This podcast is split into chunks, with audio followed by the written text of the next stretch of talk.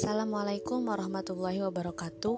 Perkenalkan, nama saya Vera Herunisa. Saya adalah salah satu mahasiswi di Universitas Islam Nusantara.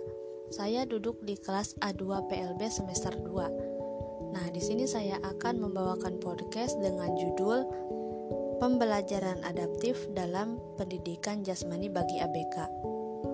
Sebelumnya, setiap anak yang lahir di dunia memiliki potensi yang berbeda-beda.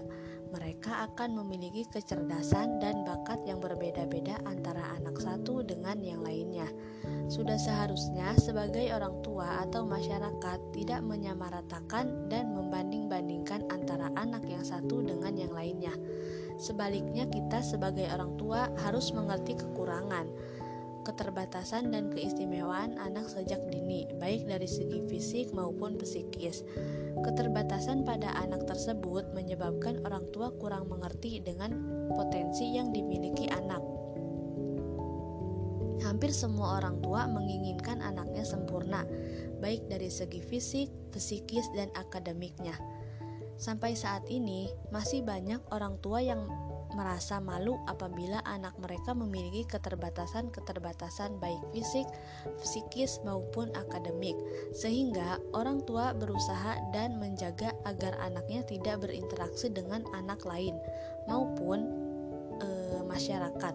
Di samping itu, banyak juga masyarakat yang anaknya normal, akan tetapi melarang anak mereka untuk bergaul dan berinteraksi dengan anak yang memiliki keterbatasan fisik, psikis, maupun akademik.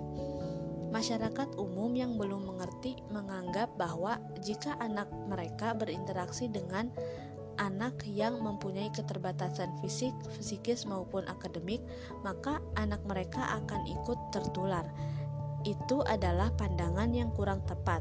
Sikap orang tua yang demikian itu akan membuat keadaan semakin parah dan menyebabkan potensi yang dimiliki anak tidak berkembang secara optimal. Hal ini membuat ruang lingkup pergaulan anak yang memiliki keterbatasan fisik, psikis, maupun akademik semakin sempit dan terbatas. Anak yang memiliki keterbatasan akan dipandang sebelah mata oleh masyarakat, akan dianggap tidak mempunyai kemampuan, kecerdasan, dan potensi lemah atau dapat pendapat lainnya. Anak akan semakin uh, kurang memiliki masa depan yang cerah. Lebih parah lagi, anak akan dianggap sebagai anak yang hanya bisa merepotkan uh, orang tuanya.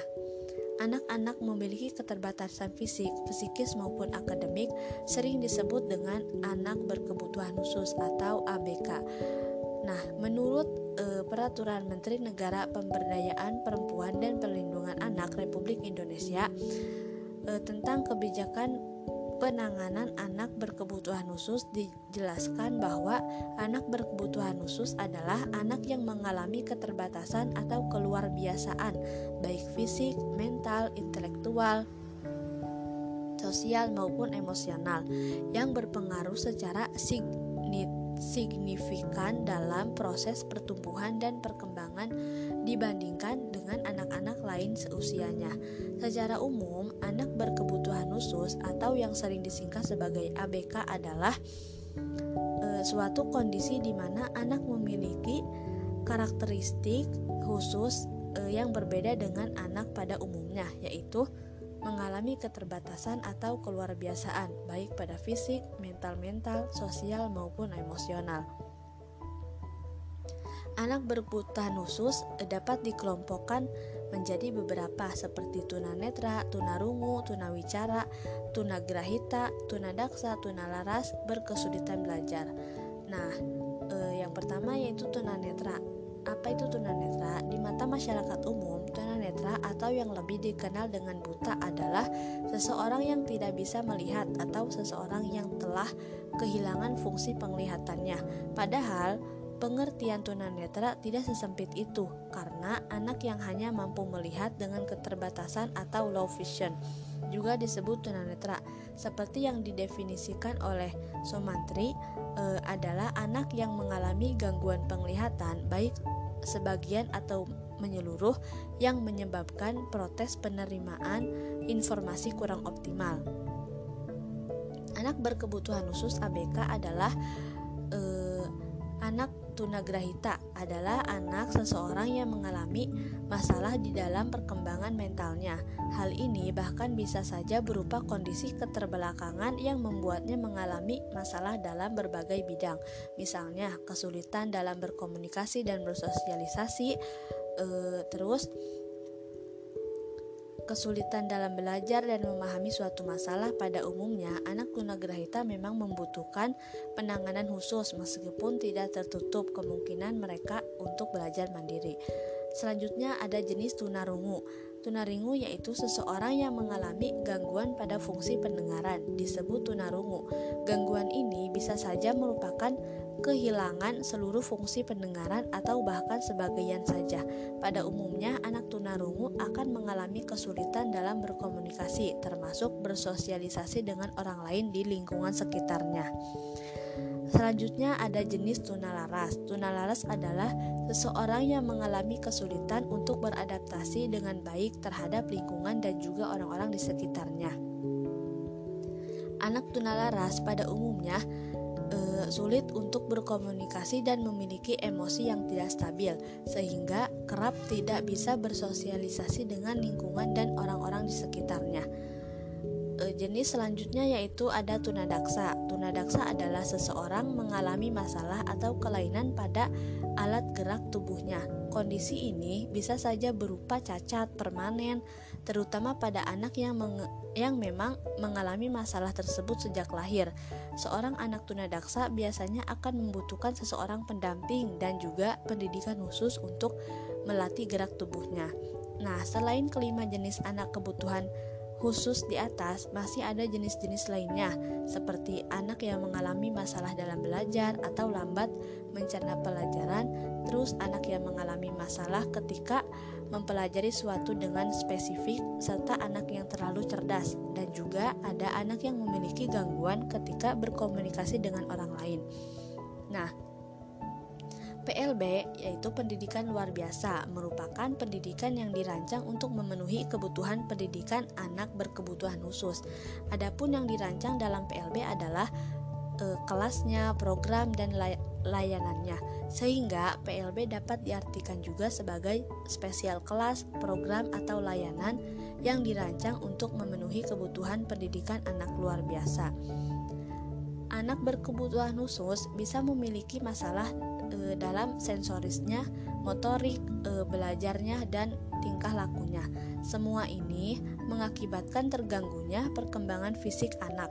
Hal ini karena sebagian besar ABK mengalami hambatan dalam merespon rangsangan yang diberikan lingkungan untuk melakukan gerak, meniru gerak, dan bahkan ada yang memang fisiknya terganggu e, sehingga ia tidak dapat melakukan gerakan yang terarah dengan benar. Nah, di satu sisi, anak luar biasa juga harus bisa mandiri, harus bisa beradaptasi dengan lingkungannya, dan juga harus bisa bersaing dengan orang normal pada umumnya. Di sisi lain juga, e, mereka itu tidak bisa secara otomatis dapat melakukan aktivitas gerak e, yang yang langsung di yang langsung dilakukan oleh mereka secara tidak disadari akan berdampak kepada pengembangan dan peningkatan kemampuan fisik dan keterampilan geraknya. Pendidikan jasmani bagi ABK di samping untuk kesehatan juga harus mengandung pembetulan kelainan fisik. Nah, eh, apa dan bagaimana pendidikan jasmani bagi ABK atau pendidikan jasmani adaptif secara sederhana? Yang pertama yaitu pengertian pendidikan jasmani adaptif. secara mendasar, pendidikan jasmani adaptif adalah sama dengan pendidikan jasmani biasa. Pendidikan jasmani merupakan salah satu aspek dari seluruh proses pendidikan secara keseluruhan. Pendidikan jasmani adaptif merupakan suatu sistem penyampaian layanan yang bersifat menyeluruh dan dirancang untuk mengetahui, menemukan, dan memecahkan masalah dalam ranah psikomotor.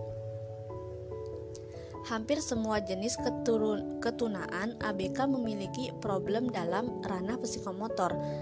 Masalahnya, psikomotor sebagai akibat dari keterbatasan kemampuan sensor sensomotorik keterbatasan dalam kemampuan belajar.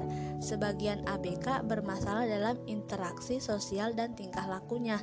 Dengan demikian, dapat dipastikan bahwa peranan pendidikan jasmani bagi anak berkebutuhan khusus sangat besar dan akan mampu mengembangkan dan mengoreksi kelainan dan keterbatasan tersebut. Selanjutnya ada ciri dari program pengajaran penjas adaptif, yaitu Sifat program pengajaran pendidikan jasmani adaptif memiliki ciri khusus yang menyebabkan nama pendidikan jasmani ditambah dengan kata adaptif. Nah, cirinya yaitu program pengajaran penjas adaptif disesuaikan dengan jenis dan karakteristik kelainan siswa. Hal ini dimaksudkan untuk memberikan kesempatan kepada siswa yang berkelainan bisa berpartisipasi dengan aman, sukses, dan e, mereka dapat memperoleh dengan kepuasannya. Misalkan seperti ini, e, bagi siswa yang memakai kursi roda, satu tim dengan yang normal dalam bermain basket, ia akan dapat berpartisipasi dengan sukses dalam kegiatan tersebut bila aturannya yang dikenakan kepada siswa yang berkursi roda dimodifikasi. Demikian dengan kegiatan yang lain. Oleh karena itu, pendidikan jasmani adaptif akan dapat membantu dan menolong siswa memahami keterbatasan kemampuan jasmani dan mentalnya. Program pengajaran pejas adaptif harus dapat membantu dan mengoreksi kelainan yang disandang oleh siswa. Kelainan pada anak luar biasa bisa terjadi pada kelainan fungsi postur, sikap tubuh, dan pada mekanik tubuh. Untuk itu, program pengajaran pendidikan jasmani adaptif harus dapat membantu siswa melindungi diri da sendiri dari kondisi yang memburuk keadaannya. Nah, program pengajaran penjas adaptif harus dapat mengembangkan dan meningkatkan kemampuan jasmani individu ABK. Untuk itu, pendidikan jasmani adaptif mengacu pada suatu program kesengaran jasmani yang e, progresif, selalu berkembang dan atau e, melatih otot-otot besar. Dengan demikian, tingkat pe, perkembangan ABK akan dapat mendekati tingkat kemampuan e, teman sebayanya atau teman e, yang normal. Nah,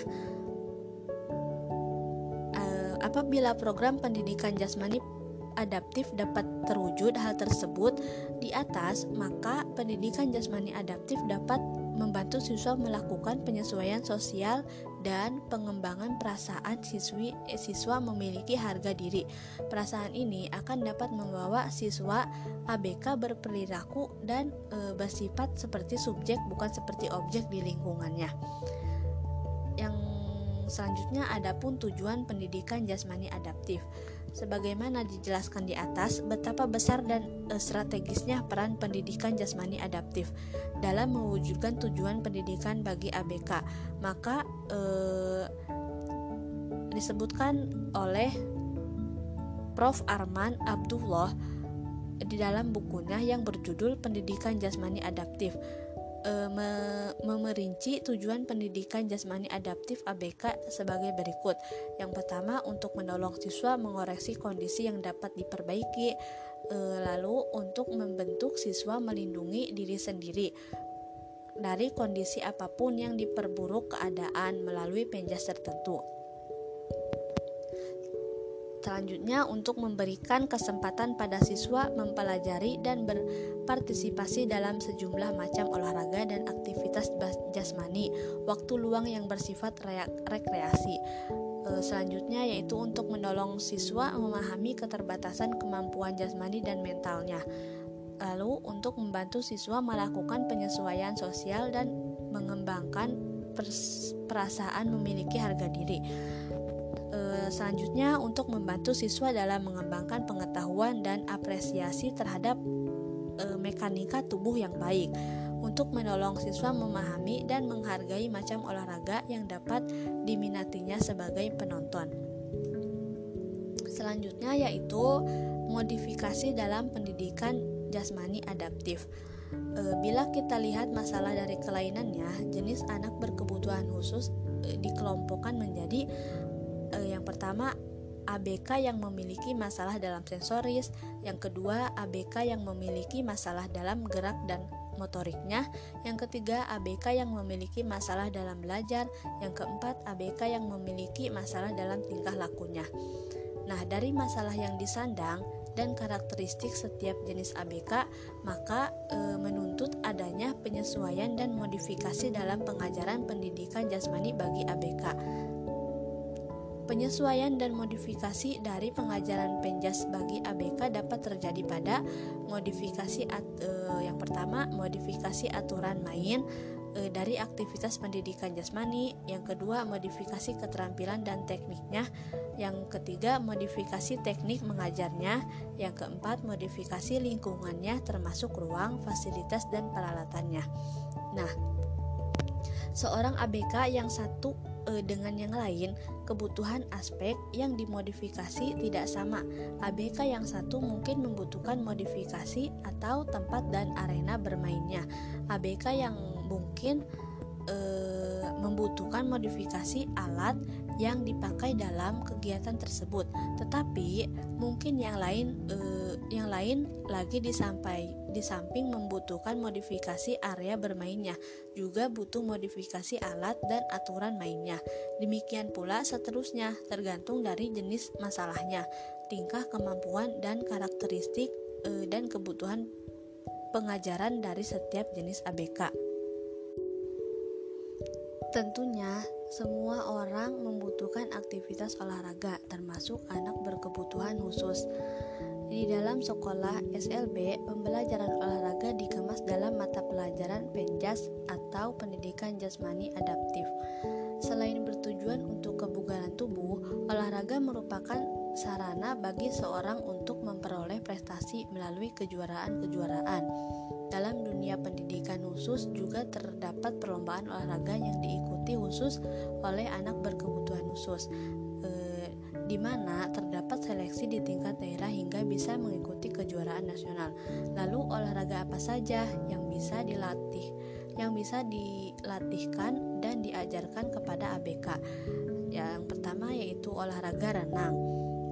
Renang merupakan cabang olahraga yang sering dipertandingkan dan di kejuaraan anak berkebutuhan khusus. Olahraga ini bisa diajarkan pada anak misalnya tunarungu, tunagrahita, tunadaksa maupun khususnya lainnya. E, biasanya pembelajaran renang ini dilakukan pagi hari dan anak langsung berangkat ke kolam renang. Selanjutnya ada olahraga boce merupakan cabang olahraga yang populer diikuti oleh tunagrahita atau anak dengan hambatan mental. Olahraga ini sering di, e, dilombakan dan diikuti oleh anak tunagrahita. Teknis olahraga ini dalam menggelindingkan bola mendapat mendekati bola target. Olahraga ini tidak memerlukan lapangan yang luas, cukup tanah yang lapang dan dibuat dengan pembatas berupa tali. Selanjutnya yaitu balap kursi roda. Balap kursi roda adalah jenis olahraga yang diikuti oleh anak berkebutuhan khusus tunadaksa. Teknisnya adalah anak tunadaksa berlomba mengayuh kursi roda untuk menjadi yang tercepat e, mencapai garis finish. Olahraga ini kita tahu dilombakan juga dalam e, Paralimpik atau olahraga disabilitas tingkat dunia. Yang selanjutnya ada jenis e, olahraga lari. Olahraga lari untuk anak berkebutuhan khusus selanjutnya e, yaitu lari. Olahraga ini bisa di latihkan pada ABK dengan berbagai kekhususannya kecuali anak tunadaksa yang tidak memiliki anggota tubuh kaki yang tidak lengkap. Olahraga ini biasa dilombakan ketika terdapat kejuaraan olahraga yang diikuti ABK. Nah, yang terakhir yaitu olahraga sepak bola. Sepak bola merupakan olahraga yang beregu yang bisa di, di latihkan pada anak berkebutuhan khusus termasuk anak tunanetra atau hambatan penglihatan. Saat ini olahraga sepak bola untuk tunanetra sering dilombakan di mana e, di mana bola dan gawangnya sudah dieksekusikan atau disesuaikan supaya anak tunanetra bisa memainkan yakni dengan adanya bunyi.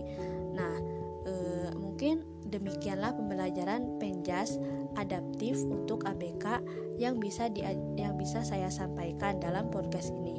Untuk uh, untuk kurangnya dan kesalahan dan kesalahannya mohon dimaafkan. Saya rasa sekian yang dapat saya sampaikan. Eh, mohon maaf bila ada kesalahan dan kekurangan. Eh, see you di lain hari dan sampai jumpa. Wassalamualaikum warahmatullahi wabarakatuh.